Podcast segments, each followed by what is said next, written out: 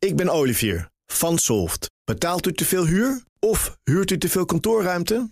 Solft heeft de oplossing. Van werkplekadvies, huuronderhandeling tot de verbouwing. Wij ontzorgen u. Kijk voor al onze diensten op soft.nl. Altijd en overal op de hoogte blijven. Download de gratis BNR-app. BNR Nieuwsradio.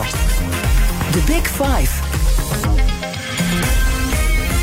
Art Rooijakkers. Of u nu jong bent of oud, of net ertussenin, achter of voor een scherm zit iedereen steeds vaker, steeds langer. Op school, op werk en in onze vrije tijd. Digitale technologie is niet meer weg te denken. Dat biedt natuurlijk kansen, maar tegelijkertijd liggen er ook gevaren op de loer. Want hoe groot is de invloed van het scherm op ons dagelijks leven? Wat zijn de gevolgen van sociale media op ons gedrag, op ons concentratievermogen? En wie heeft er nou eigenlijk voor het zeggen in een digitale wereld? Daar ben ik deze week over in gesprek gegaan met vier experts tot nu toe. Vandaag de vijfde rondom ons digitale gedrag en BNR's Big Five van de macht van het scherm. Vandaag met Martijn Bertiessen, directeur van Google Nederland. Welkom. Dankjewel. Fijn dat jullie op onze uitnodiging in wilden gaan. Um, voordat we het gaan hebben over Google en ook de datahonger die jullie dan wordt toegeschreven, wil ik graag twee dingen van je weten. Allereerst, waar maak je eigenlijk meer druk om? Het verspreiden van fake news via YouTube, ook van Google, of het feit dat online privacy volgens critici niet meer bestaat, mede dankzij jullie bedrijf?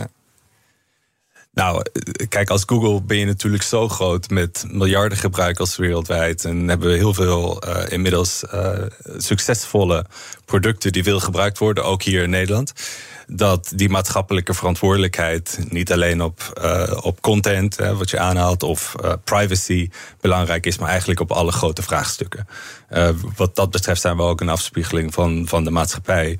En daar hoort ook een verantwoordelijkheid bij. En mm -hmm. zeker als Google met zoveel gebruikers dagelijks op ons platform, voel je gewoon die verantwoordelijkheid op onze schouders elke dag binnen het bedrijf. Die voel ik zelf als verantwoordelijke voor Google Nederland, maar ook als ouder. Uh, en ook als ouder van, van hele, hele jonge kinderen. Van mm. hoe richt je zo'n producten verantwoord in? En als je het hebt over, uh, nee, je noemt aan uh, het verspreiden van, van fake news, van fake news en misinformatie online, is dat natuurlijk een heel belangrijk topic. We zijn begonnen met een missie als Google om de organize the world's information and make it universally accessible for everyone. Dus informatie en kwalitatief juiste informatie ligt gewoon aan het hart van wat wij doen. En daar zijn we elke dag ook mee bezig om dat te bestrijden. En kunnen we nog wel iets meer over vertellen, zo meteen over hoe we dat doen op YouTube bijvoorbeeld. Ja, maar dat is dus wel een zorg, die fake news, omdat het direct ingaat eigenlijk tegen de missie van het bedrijf, zeg je. Ja, en ook omdat je daar ook in ziet dat technologie natuurlijk voor heel veel goede doeleinden kan worden gebruikt, ja. maar het kan ook misbruikt worden. En dat kat-en-muisspel uh, van, uh, van het inzetten voor goede doeleinden, maar ook het bestrijden van de negatieve aspect daarvan, dat is iets waar we ons dagelijks mee bezighouden. Kat-en-muisspel is het. We gaan het er uitgebreid over hebben dit, dit uur. De tweede vraag die ik heb is uh, smartphoneverslaving. Ik heb het met alle gasten er deze week over gehad. Hoe zit het met die van jou? Ja, is, uh, is niet best. Uh, maar dat hoort ook een beetje bij mijn baan. Uh, het aantal e-mailtjes en berichtjes wat er op een dag binnenkomen. Maar natuurlijk ook de nieuwshonger. En wat, ik zelf, wat ik zelf veel gebruik trouwens is digital wellbeing. Het zit op mijn Android-telefoon. Mm -hmm. dat geeft mij een overzicht van mijn gebruik. Hoeveel uur heb ik mijn smartphone gebruikt? Hoeveel zit je? Hoeveel uur? Nou, toch wel meer dan twee uur per dag. Ja, ja. dat vind ik nog meevallen. Uh, nou, maar ik ben er wel heel actief mee bezig om het ook te analyseren en te verminderen. Dus ja. bijvoorbeeld uh, een paar weken geleden kwam ik erachter dat ik heel veel tijd in de Chrome browser op mijn telefoon zat. En uh, toen ben ik daar iets, iets dieper ingedoken en toen bleek dat ik op twee websites eigenlijk 80% van mijn tijd zat. En ik heb dus nu timers ingesteld, waardoor ik die twee websites nog maar vijf minuten per dag gebruik. Oké. Okay. En dat heeft me gebruikt. Ben je wel benieuwd naar die websites trouwens? Ja, nou ja, ik, ik, ik ben de hele dag wel, als ik even een momentje heb, precies datzelfde dag, even telefoon pakken, even naar nieuws checken. Ja, zoals dus iedereen het waren, doet. Hè? Uh, het waren twee nieuwswebsites waar ik gewoon heel vaak ging snacken naar de laatste, de laatste uh, nieuwsberichten. Ja. Was vandaag nieuws van de dag. Een kwart van de baby's in ons land zit twee uur per dag voor een scherm. Onderzoek dat vandaag naar buiten kwam. Je hebt kinderen, zei je al. Hoe is het bij jullie thuis? Ja. Nou, ze zijn nog heel jong. Uh, maar Halen ze de, twee uur? sorry? Halen ze de twee uur? Nee. gelukkig niet. Uh, de oudste is nu, uh, is nu bijna drie jaar. En daar zijn we natuurlijk als ouders ook bezorgd over. Mm -hmm. en, als vader denk je daar ook over na. En in het begin je, denk ik, als, zoals elke ouder, van we gaan geen scherm doen. En op een gegeven moment wil je toch even rustig koffie drinken. En dan komt toch het scherm tevoorschijn. Herkenbaar. Um, we laten hem alleen YouTube Kids kijken. Video's op YouTube Kids. Daar weet ik vanuit mijn eigen baan. Dat is een veilige omgeving. Daar krijgt hij alleen uh, veilige content te zien. Daar heb ik ook de controle mm -hmm. over wat hij kijkt en hoe lang hij kijkt. Um, maar die twee per dag is het dus in ieder geval nee, niet? Dat, uh, nee, nee. Uh, ik denk 15 minuutjes per dag komen we aan ongeveer. Gisteren was hier Kees Verhoeven te gast. Hij is oud D66-Kamerlid, oprichter van Bureau Digitale Zaken. Hij had een kettingvraag voor je. Laten we meteen mee beginnen. Google is natuurlijk een van de partijen die van dat machtige scherm... enorm geprofiteerd heeft in de afgelopen decennia. Met hele mooie dingen weliswaar. Maar ik vraag me af, wanneer gaat Google zijn verantwoordelijkheid nemen... om ervoor te zorgen dat de samenleving er niet slechter van wordt? En wat gaat Google dan precies doen? En dan wil ik het een beetje scherp maken. Niet te veel van die symptoomachtige maatregelen als we doen toch ook hele mooie dingen met alle data, maar echt gewoon hoe zorg je ervoor dat mensen minder verslaafd raken aan dat scherm? Wat doet Google? Nou, vertel. Nou, ik ben blij dat er in elk geval ook de positieve aspecten ja. daar werden benoemd. Uh, ik denk dat dat ook, uh, ook echt de insteek is. Hè. We beginnen met het bouwen van producten die behulpzaam zijn, die nuttig zijn voor mensen over de hele wereld. Um, en ik denk dat dat, uh, dat dat ook waar is. Als je kijkt naar search, je kijkt naar maps, je kijkt naar uh, YouTube. Er worden gewoon door mensen daar heel zinvolle dingen uh, gedaan. Ja, dat wordt gelukkig niet, heel... dat wordt ook niet ontkend door Kees Verhoeven. Nee, zeg maar, maar wat doen jullie nou om ervoor te zorgen dat mensen minder verslaafd raken? Ja, precies. En ik denk, wat ik net, ik, ik gaf net al een paar voorbeeldjes. Hè, van, kijk, uiteindelijk willen we mensen de controle geven om, en de informatie geven om dat gebruik van het scherm te beheren en, en uh, zo in te richten dat dat voor hun ook werkt. Um, ik noemde het voorbeeldje van digital wellbeing mm -hmm. op je Android-telefoon. Nou, daar kan je kijken hoeveel je gebruikt. Daar kun je app, notificaties, uh, instellingen veranderen. Daar kan je ook de tijd die je wilt besteden aan je scherm uh, instellen. Het andere voorbeeldje, Family Link. Hoe help je kinderen? Hoe help je je kinderen om uh, veilig online uh, te navigeren? En ook de gebruik van het scherm en de tijd die ze op het scherm besteden, om dat ook in te dammen, te beperken. Nou, apps die ze niet mogen gebruiken, wifi-settings die je kunt instellen, uh, noem maar op. tijd, gebruik ja. instellen. Dus maar op die manier hou je me bezig als bedrijf. Ja, Wat natuurlijk erg, interessant is, die, die vraag komt ergens vandaan van Kees Verhoeven. Hmm. De observatie die ik heb na het spreken van deskundigen deze week, is dat jullie als bedrijf ooit het lievelingetje van de juf of de meester waren, voor in de klas mochten zitten. En nu toch telkens wel een beetje strafwerk krijgen. Achter in die klas, slechtere reputatie.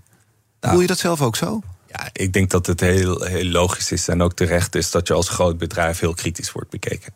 We zijn groot, we zijn ook heel succesvol. En de afgelopen jaren ook zeker nog een keer tijdens de coronacrisis, waar iedereen naar digitale hulpmiddelen greep. Of dat was nu uh, voor het onderwijzen van, van Ons leven digitaal. Thuis. Ja, werken thuis enzovoort. En het ging toch allemaal via het scherm en digitaal. En dat heeft invloed gehad in hoe we kijken naar bedrijven nou, ik, als big tech, als, de, als Google ik denk de adoptie van technologie is natuurlijk in nog een stroomversnelling gekomen. We gebruiken het nog meer en we zien ook de, de, de nuttige kant ervan. En de, maar uh, dat betekent ook dat er steeds kritische vragen gesteld worden. En ik denk dat dat ook terecht is. En, en je ziet dat ook bijvoorbeeld in regelgeving, of dat in Nederland op Europees vlak, in Amerika is.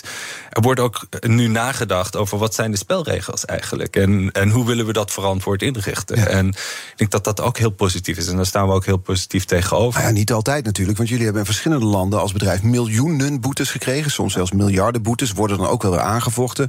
Frankrijk is dat gebeurd, Amerika, Zuid-Korea. Zuid-Korea bijvoorbeeld omdat jullie gebruikers niet duidelijk genoeg informeren over hoe hun gegevens worden verzameld, geanalyseerd. Want jullie kijken waar jullie gebruikers in geïnteresseerd zijn om zo gepersonaliseerde advertenties te verkopen. Vat ik even samen, klopt toch? Uh, nou, we gebruiken data om onze producten natuurlijk zo, zo nuttig mogelijk en zo behulpzaam mogelijk ja. te maken. Kees Verhoeven, die gisteren te, uh, te gast ja. was, hield een vlammend betoog om die gepersonaliseerde advertenties helemaal te verbieden. Ja. Om zo de macht van onder andere Google te breken. Ja. Goed idee? Nou, ik denk dat het genuanceerder ligt. Hè? Uh, je kijkt naar gebruikers van onze producten en die willen absoluut meer privacy. Dat, uh, consumenten willen meer privacy. Ze hebben de controle over hun data niet meer. Ze vertrouwen het ook niet meer. Uh, en dat is aan ons, maar niet alleen aan ons. Ik denk dat dat aan alle bedrijven en overheden is die actief zijn online, om dat anders te gaan doen, anders te gaan inrichten. Nou, de, de gebruiker meer controle geven over de data. Hè? Je gaat naar Google Mijn Account, je kunt zien welke data je deelt deel jij je locatiedata met Google? Oké, wat zijn dan de voordelen, de nadelen daarvan? Je, kunt dat, je moet dat kunnen uitzetten in een op een hele simpele manier.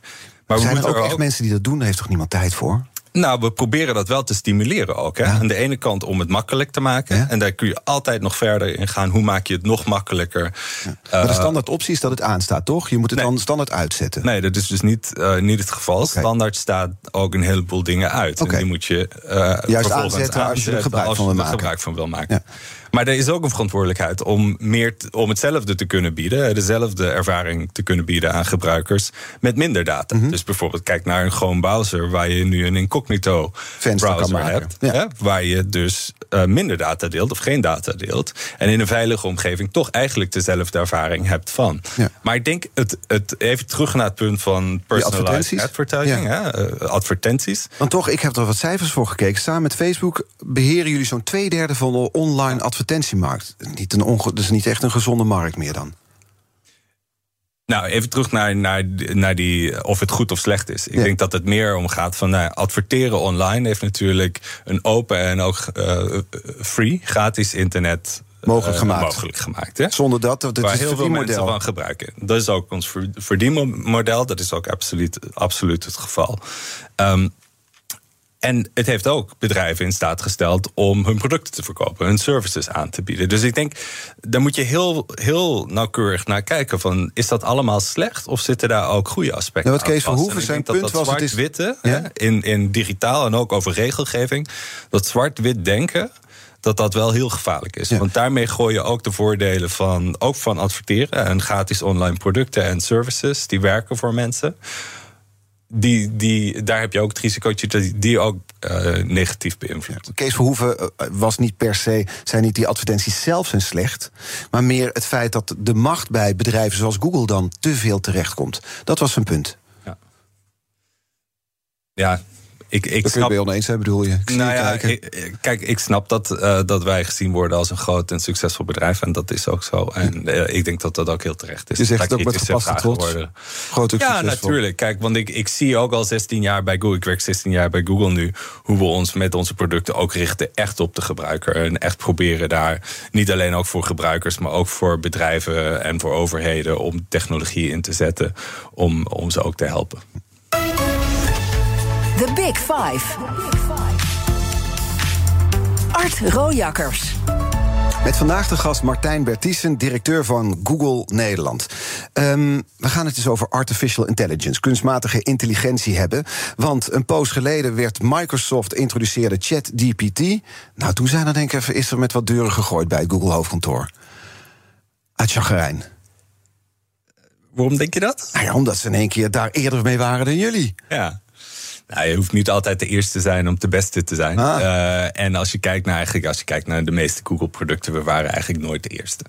Als je kijkt naar search, we waren niet de eerste search engine. Er was al een search engine en meerdere search engines. We deden het alleen anders. En op een manier waardoor het door gebruikers ervaren werd als nuttiger. Dus dat is misschien ehm, straks met artificial intelligence, laten we het AI noemen vanaf nu, is dat ook wel zo? Want jullie hebben, wat is het, een paar dagen geleden een eigen chatbot uh, naar buiten gebracht. Volgens mij tot nu toe alleen Amerika en Engeland, dacht ik toch? Hè? Correct. Bart heet hij. Ja. Beetje vergelijkbaar met ChatGPT zoals we dat hebben leren kennen? Nou, de, de hype van, van uh, generative AI, hè, dus de, de chatbots die aangestuurd worden door, door AI, um, dat is recent. En uh, dat heeft ervoor gezorgd dat er nu heel veel aandacht is ja. voor AI. Maar als bedrijf uh, zijn wij al heel lang bezig met AI. Je zou bijna kunnen zeggen: ik lees de headlines van hebben jullie de boot gemist op AI? En ik denk dan wel eens van ja, volgens mij hebben we de boot gedeeltelijk gebouwd. Want de T in ChatGPT uh, staat voor Transform. En Transform was uh, een, van de, een van de research papers die Google eigenlijk heeft gepubliceerd.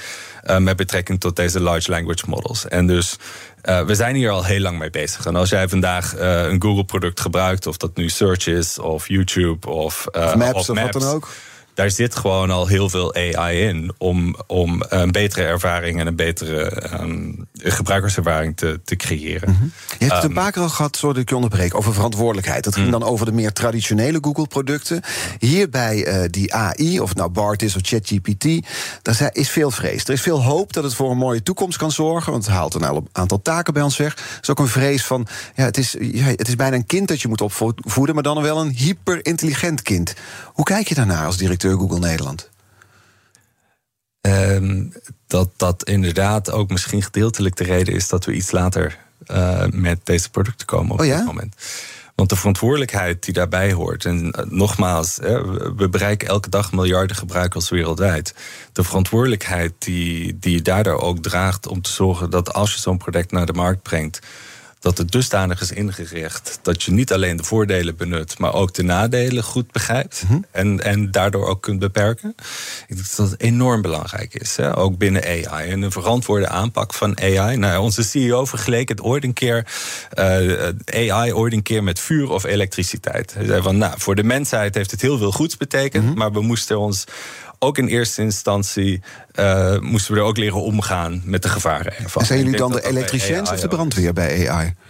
Nou, ik denk dat we dat eh, misschien een beetje van alle twee zijn. Ja. Eh, en als je kijkt. Maar ik vind het eh, interessant wat je zegt. Dat jullie, je zegt, wij zijn er al mee bezig. Maar dit is een van de redenen waarom wij nou rustiger aandoen, voorzichtiger aandoen met de introductie hiervan. Nou, de introductie van, van, ons eigen, van onze eigen chatbot Bart, die hebben we nu publiek geïntroduceerd, zoals je net al zei. Die hebben we eerst met 80.000 werknemers intern getest. Die hebben we vervolgens ook met 10.000 externe experts getest. En dan nog weten we dat daar dingen fout gaan. hè, die, en ook fout zullen gaan waarvan we moeten leren en, waarvan, en, en waar we op door moeten bouwen. Ehm, en dus eigenlijk dit verantwoord, maar ook ambitieus eh, omgaan met de technologie. Ehm, ik denk dat dat een hele moeilijke balans is. Hoe, hoe doe je het gedurfd, maar ook verantwoord als Google? En als je naar AI kijkt, ja, de positieve, eh, de positieve kant van AI. Neem bijvoorbeeld, ja, een van mijn favorieten is Google Translate. Eh, ik spreek heel slecht Spaans. En Dat, ehm, mijn vrouw die spreekt vloeiend Spaans. We proberen het ook mijn kind bij te brengen. Maar ehm, nou, eh, Google Translate vertaalt 150 miljard woorden per dag. Per dag. Mhm. En dat is Ehm, dankzij AI, zeg je. En daar zit AI in, waardoor dat mogelijk is om honderden talen gewoon te vertalen op een dagelijkse basis. En daardoor mensen bij elkaar te brengen. Leuk feitje trouwens, top drie woorden van Translate. Nou? Eh, de eerste, hoe, hoe gaat het met je? ¿cómo Dankjewel. Gracias. En de derde, I love you. Ah, te amo. Ja, te amo. Dat te quiero in het, eh, in het Spaans, ja. Zijn er eigenlijk, de, want, want je zegt we zijn daar ook voorzichtig mee. Omdat aan de ene kant zijn er voordelen, zoals deze die je onder andere schetst, nog veel meer. Er zijn ook risico's aan verbonden aan dat AI. Waar moeten we voor waken met de introductie van deze AI? Ja, wij zijn in 2018 hebben we onze eigen eh, AI principles opgesteld en, en gekeken naar, oké, hoe doe je dit verantwoord? Hoe zorg je ervoor dat bijvoorbeeld hè, de, de, op eh, het maatschappelijk belang overwegend positief is? Hoe zorg je ervoor dat AI geen eh, stereotypes of eh, biases gaat creëren? In, eh, Niet gaan discrimineren bijvoorbeeld. niet gaat discrimineren. Hoe zorg je ervoor dat AI eh, ook privacy waarborgt hè, en data van mensen respecteert? Eh, dus dat zijn allemaal dingen waar je goed over moet nadenken. Die hebben we proberen vast te leggen in een set eh, principes voor onszelf. Waar aan de hand daarvan kunnen we technologie gaan ontwikkelen. Dus bijvoorbeeld, wij zijn heel voorzichtig met het ontwikkelen van AI voor gezichtsherkenning, bijvoorbeeld. Omdat we daar denken van, nou ja, dat kan ook een, een surveillance maatschappij eh, gaan, eh, gaan helpen. Dus misschien moeten we dat maar niet doen Misschien dan? moeten we dat maar niet doen. Willen we AI ontwikkelen dat gebruikt kan worden eh, voor, het, voor het ontwikkelen van wapens bijvoorbeeld? Nou, daar willen wij niet aan bijdragen. Dus als bedrijf heb je daar een hele grote verantwoordelijkheid. Dat zal Google niet doen. Geen AI voor gezichtsherkenning, geen AI die gekoppeld is aan wapens of Nou, aan militaire industrie. niet de, de API's en de technologie beschikbaar stellen. En, en die dus ook creëren dat andere mensen daar inderdaad zulke dingen mee zouden kunnen ontwikkelen. We komen er zo verder over te spreken. We gaan eerst naar het nieuws luisteren. Wordt nog echt door een mens voorgelezen zometeen. Tenminste, daar ga ik vanuit. Je weet het niet meer. Hè? Volgende week maandag trouwens. Christiane de Poot, gast. Hoogleraar criminalistiek aan de VU. Lector forensisch onderzoek aan de politieacademie. En ook nog de HVA. Dat is druk. In een nieuwe Big Five week. Waarin Diana Matroos in gesprek gaat met vijf experts in de wereld van opsporing en vervolging. Abonneer je op onze podcast via je favoriete podcastkanaal. Hoef je geen aflevering te missen. En zometeen praat ik verder met Bartijn Bertissen, directeur van Google Nederland. Onder andere over wetgeving voor big tech, bedrijven. En ook hoe het economisch gezien eigenlijk gaat bij het bedrijf. Blijf luisteren. Ik ben Sylvia van Solft. Betaalt u te veel huur of huurt u te veel kantoorruimte? Solft heeft de oplossing. Van werkplekadvies, huuronderhandeling tot een verbouwing, wij ontzorgen u. Kijk voor al onze diensten op soft.nl.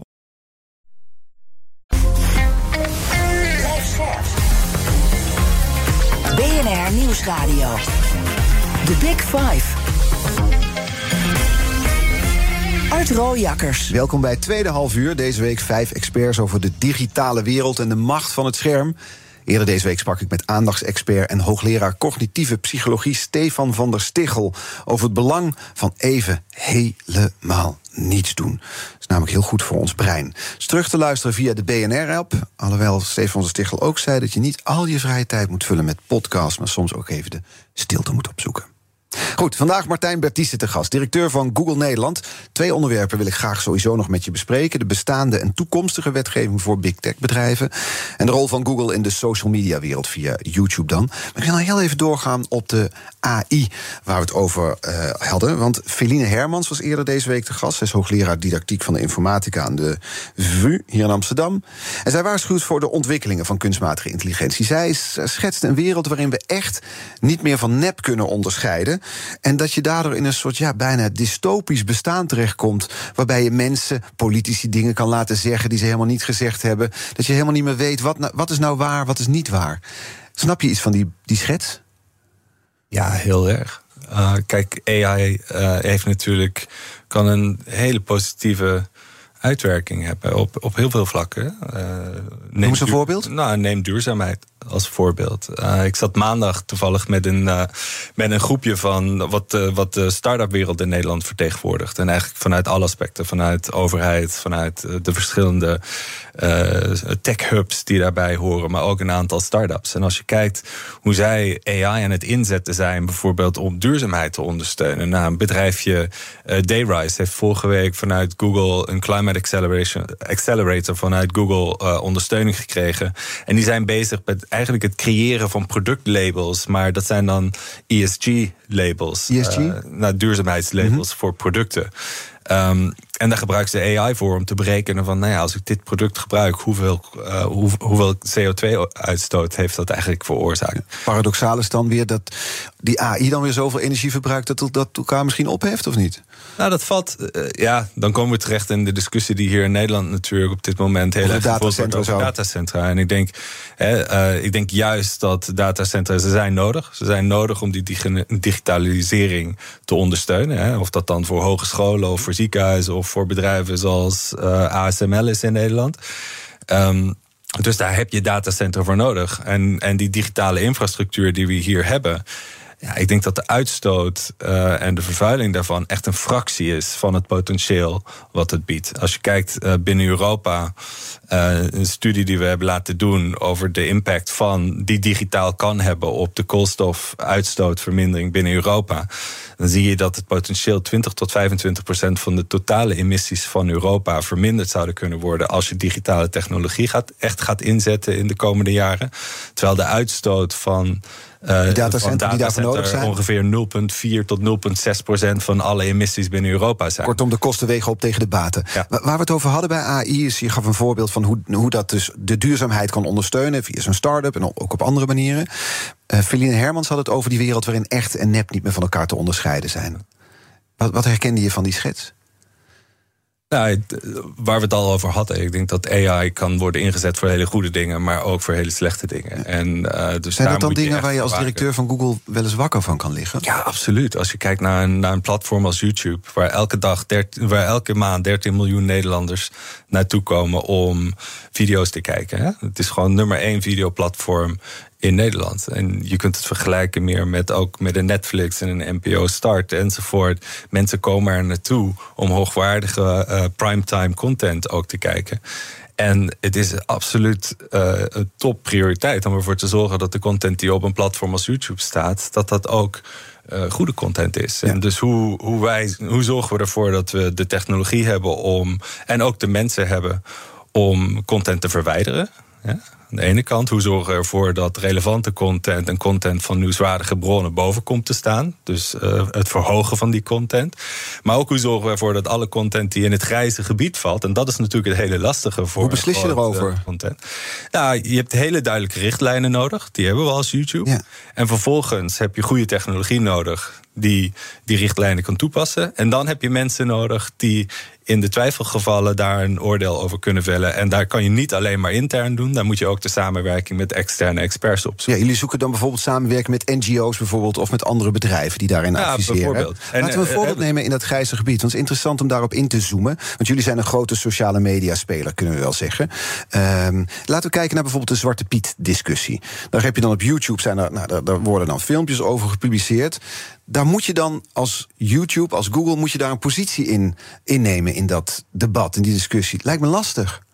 Nou, dat gebeurde dus, eh, dit, dit voorbeeldje, dat gebeurde dus inderdaad naar, volgens mij was ik drie maanden in, in, deze, in deze job. Gefeliciteerd. En, uh, dan is er dus een maatschappelijke discussie uh, gaande rond Zwarte Piet. Nou, die vindt ook online plaats. Hè. Wat dat betreft is zijn online uh, is YouTube ook een afspiegeling van, van de culturele mhm. maatschappij en de discussie die er plaatsvindt. Ja, dan moet je gaan afwegen. En wij hebben hele duidelijke richtlijnen rond blackface. Nou, eh, dat verbieden we. Mhm. Maar je moet ook de lokale relevantie en de, eh, de, lokale context daarvan begrijpen. Dus in dat geval nou, heb je duidelijke richtlijnen, daar kun je aan vasthouden. Hè. Dat is ook echt heel hard nodig. Um, en vervolgens kun je lokale nuances gaan aanbrengen. Wij, wij willen niet de moraalridder zijn voor Nederland. Dus je gaat niet vooruitlopen op een maatschappelijke discussie... waar de politiek zich ook niet duidelijk uitspreekt... waar geen duidelijke regels zijn. Dus daar maar wil je we wilden er ook geen geld aan verdienen. En in dat geval hebben we wel gezegd van... nou, dat betekent dus dat wij er geen advertenties op Zwarte Piet content toelaten. Dat daardoor ook het verspreiden van die content moeilijker wordt op het platform. Waardoor wat maakt het moeilijker dan? Nou, omdat wij alleen uh, reward... we hebben het vaak over uh, four R's binnen YouTube. Remove, raise up, reduce en reward. En reward is eigenlijk een privilege. Dat laten we, we laten alleen video's monetiseren die van de hoogste kwaliteit zijn. Ja, daar, nou, daar, daar worden advertenties bij grijze gebied, Ja, het grijze gebied, dus de video's die er eigenlijk tussen vallen... zeggen van, nou, dat komt niet in aanmerking voor monetization. Dat betekent dat dat ook minder, uh, minder gezien wordt, minder gedeeld wordt... Uh, minder, uh, minder reacties op En dus geen geld mee wordt verdiend. Hoe, hoe meet je die kwaliteit? Wat dan in, in aanmerking komt voor die reward... Ja, dat is, dat is natuurlijk heel lastig. Je kijkt naar heel veel signalen om te kijken van hè, wat, wat van content uh, is echt gewoon. Uh, in de top van de content die je wel wilt uh, bepalen. Nou, een ander voorbeeldje van waar je de toch lokale nuance... Ja, ik toch heel even daarop doorgaan. Het is interessant dat dan Google eigenlijk bepaalt... wat kwaliteit is en wat niet. Ja. Nou ja, bepalen wij het of bepalen wij het door het samen met hebben. de gebruikers en de kijkers en nou ja, door te pushen toch? Je zegt je, je krijgt een reward als je iets levert wat van topkwaliteit is. Ja, er is content op YouTube die, uh, waarvan zegt van, nou, die voldoet echt aan alle criteria. Waar je van zegt van, nou, dat is dusdanig dat we, uh, dat we daar ook een, een omgeving hebben waar je ook adverteerders de mogelijkheid wil bieden om daar te adverteren en hun klanten te bereiken, hun producten aan te bieden, ja. services aan te bieden. En er is andere content die dat niet is. En daar op die manier wordt een onderscheid voor gemaakt. te kijken. Ja, dat, ja. dat hangt af van hoeveel mensen die content bekijken. Um, enzovoort. Hè? Op die dus manier. Er zijn heel veel signalen die je daarvoor Wie zijn eigenlijk de concurrenten van YouTube? Het gaat op dit moment heel veel over TikTok. Uh, was onder andere een hoorzitting in Amerika. De, de, de baas van TikTok zat daar tegenover Amerikaanse politici. Hoe, hoe kijken jullie naar dat platform? Ja. Nou, je noemde ons net een sociaal uh, platform volgens mij. En daar Ja. ben ik het toch niet helemaal mee eens. Ik Met YouTube dat we toch in wel? eerste instantie zijn we een videoplatform. Maar daar worden heel veel comments achtergelaten. Ja, er zitten sociale aspecten aan YouTube, absoluut. Hè? Het delen en het, uh, en het reageren op video's. Maar in eerste instantie geeft YouTube een spreekbuis aan iedereen om uh, bij wijze van spreken met een mobieltje uh, mensen te kunnen bereiken met hun passies. Uh, niet iedereen heeft het, heeft het geluk dat hij een podcast kan, kan presenteren of een televisieprogramma.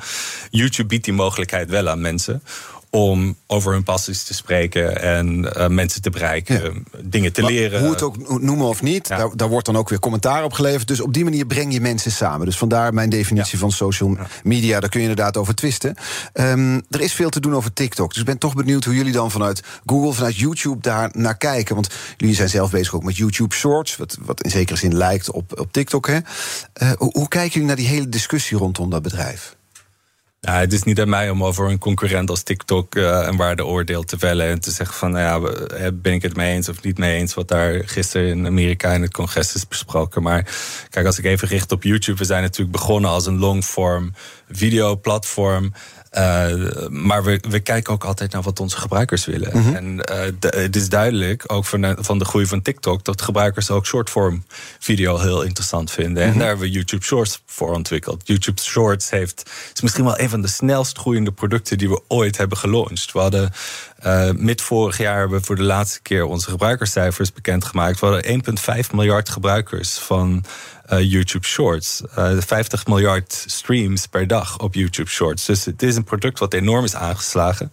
Misschien wel mede ook... dankzij de kritiek op TikTok? Nou, en uh, ik denk vooral ook omdat hè, users, gebruikers vinden het een. een, een hè, die, die waren naar op zoek. En het biedt ook onze creators, dus de mensen die de video's creëren, een andere manier om hun audiences te bereiken. En, en dat is voor ons vooral ook, hè, dat was initieel ook de instelling. Van, hè, we, willen, we willen shorts inzetten om gebruikers, creators, de mogelijkheid te geven om nieuwe doelgroepen te bereiken. En vervolgens ook uh, de longform content, de langere video's, uh, aan te bieden. Ja, dus op die manier speel je dan in eigenlijk op de wensen van de gebruiker. Ik ben Sylvia van Solft. Betaalt u te veel huur of huurt u te veel kantoorruimte? Solft heeft de oplossing. Van werkplekadvies, huuronderhandeling tot een verbouwing, wij ontzorgen u. Kijk voor al onze diensten op soft.nl. Technologie lijkt tegenwoordig het antwoord op iedere uitdaging. Bij PwC zien we dit anders. Als we de potentie van technologie willen benutten, kunnen we niet zonder een menselijk perspectief. Human-led, tech-powered noemen we dat. Ga naar pwc.nl. BNR Nieuwsradio. The Big Five. Art Rojakkers. Je luistert naar BNR's Big Five van de macht van het scherm. Eerder deze week sprak ik met tech-filosoof, tenminste met filosoof en schrijver Hans Schnitzler... over de oorlog om onze aandacht. Terug te luisteren via bnr.nl en de bekende podcastkanalen. Vandaag de gast Martijn Bertiessen, directeur van Google Nederland. Um, ja, grote techbedrijven staan scherp in het vizier van overheden, van toezichthouders. We hadden het er al over dat je zei: het is logisch, we zijn ook zo groot. Het is goed als er kritisch naar ons worden gekeken. Um, jullie zijn ook hard aangepakt. Bijvoorbeeld een, een boete van 8 miljard, euro vanuit de Europese Commissie wegens machtsmisbruik. Je zei er: het is goed dat er kritisch naar ons wordt gekeken. Tegelijkertijd was Google niet altijd eens met die boetes.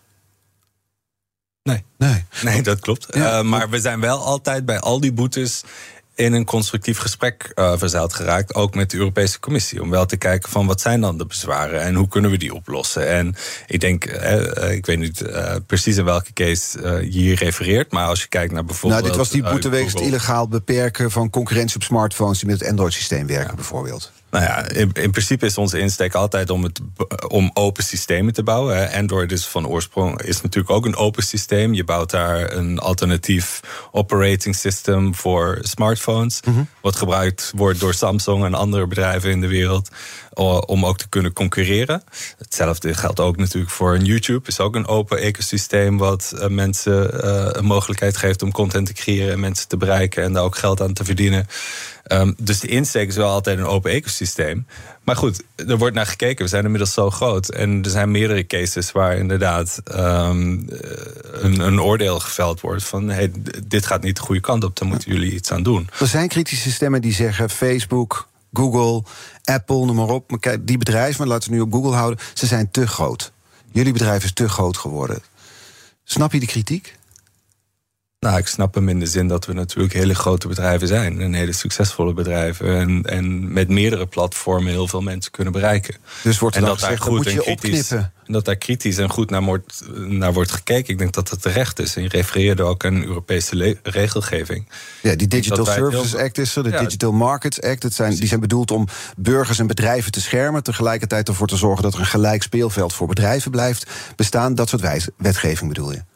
Nou, ik denk dat dat aangeeft, hè, als je die regelgeving goed kunt inrichten, is dat heel positief voor bedrijven, voor mensen, gebruikers in Europa en voor overheden. Als je het slecht doet, is het ook heel slecht. Um, er was op een gegeven moment was er sprake van, nou ja, een groot bedrijf als Google zou bijvoorbeeld.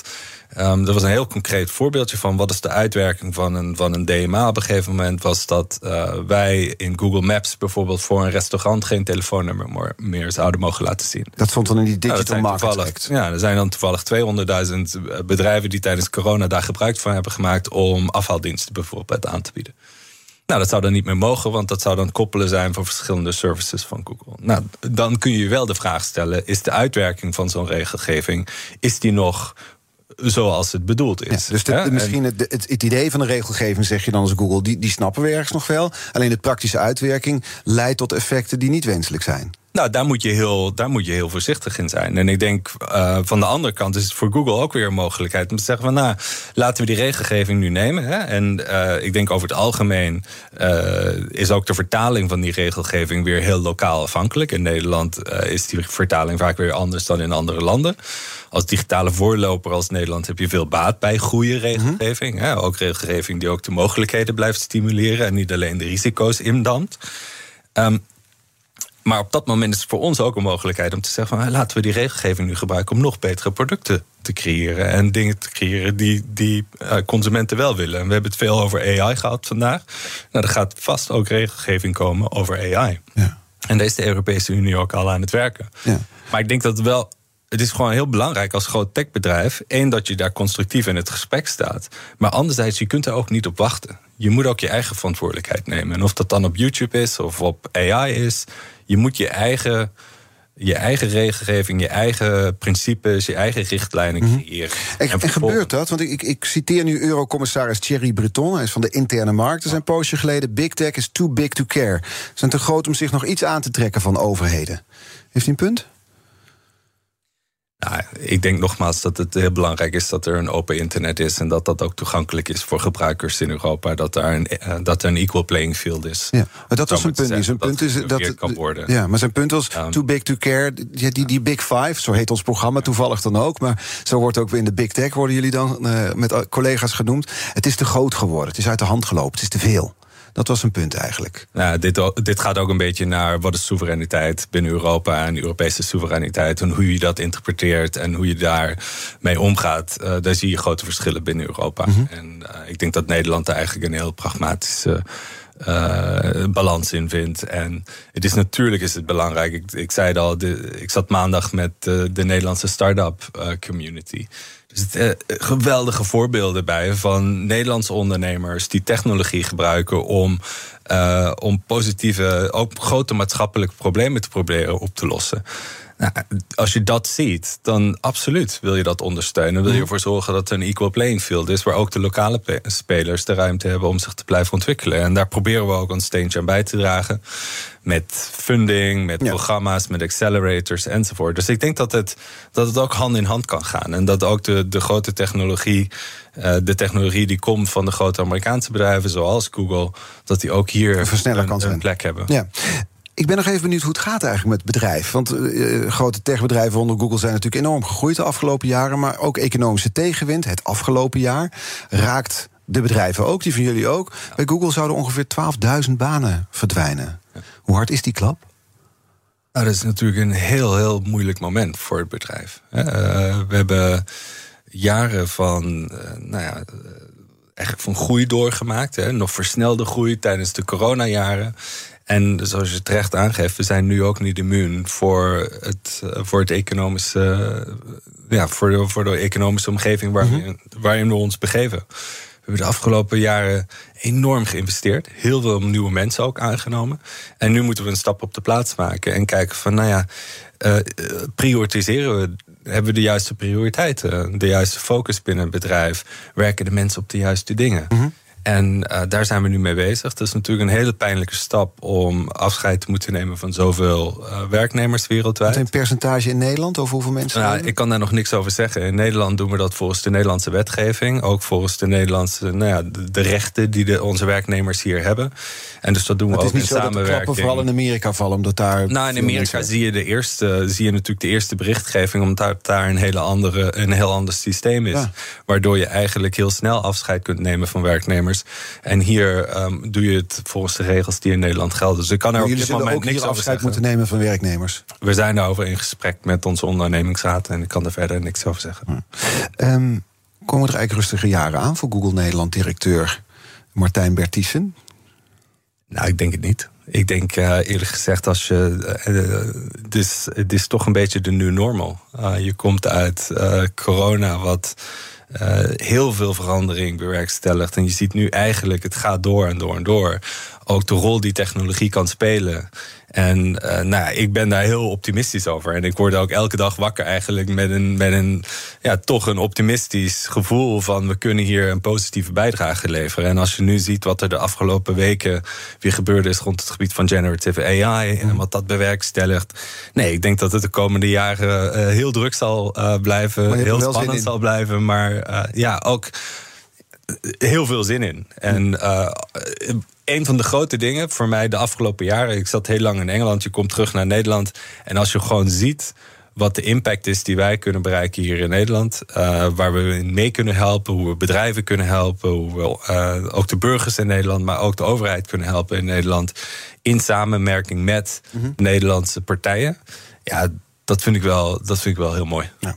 We gaan nog snel naar de kettingvraag toe. Uh, volgende week uh, start er een nieuwe week. Gaat over opsporing en vervolging. Mijn collega Diana Matroos presenteert die. Haar eerste gast is Christiane de Poot, hoogleraar criminalistiek aan de VU. Um, ja, je mag een kettingvraag stellen. Wat zou jullie weten? Dat is leuk, hè, om die op vrijdag te mogen stellen. Precies, dan mag je uh, het weekend oversteken. Ja. Um, nou, ik, ik benoemde het net al. Kijk, ik ben, ik ben natuurlijk heel erg optimistisch ingesteld over de rol die technologie kan spelen in de toekomst. Maar ik volgens mij ook, ik zei ook al eerder, van het is ook een kat-en-muisspel. Uh, technologie kan voor goed gebruikt worden, het kan ook voor kwaad gebruikt worden. En dus, uh, of dat is oplichters die bij mm-hmm. ons uh, proberen te adverteren. We hebben daar voorbeelden van gehad van slotenmakers die in Nederland proberen te adverteren en fraudeleuze praktijken aanbieden. Yeah. of misinformatie, wat je al benoemde. Um, die spelregels zijn belangrijk, technologie is belangrijk, alle dingen die we daaraan doen. Maar ik vroeg me wel af van wat voor rol speelt technologie dan in haar vakgebied? En hoe zet ze dat in uh, voor positieve doeleinden binnen die criminologie? Um, en wat voor mogelijkheden biedt dat? We gaan het te vragen. Tenminste, mijn collega Diana Matroos gaat het te vragen komende maandag. Dank voor de komst en voor uh, de uitleg van dat waar jullie allemaal mee bezig zijn bij Google, bij Google Nederland. De directeur van Google Nederland was hier, Martijn Bertiessen. Alle afleveringen van BNR's Big Five zijn trouwens terug te luisteren. Ik heb het al een paar keer gezegd. Je kunt je abonneren op onze podcast via onze app of je favoriete podcastkanaal. Dan hoef je geen aflevering te missen. En nu op deze zender Nina van den Dungen met BNR Breekt Politiek. Alvast een fijn weekend. Ik ben Olivier van Solft. Betaalt u te veel huur of huurt u te veel kantoorruimte? Solft heeft de oplossing. Van werkplekadvies, huuronderhandeling tot de verbouwing. Wij ontzorgen u. Kijk voor al onze diensten op soft.nl.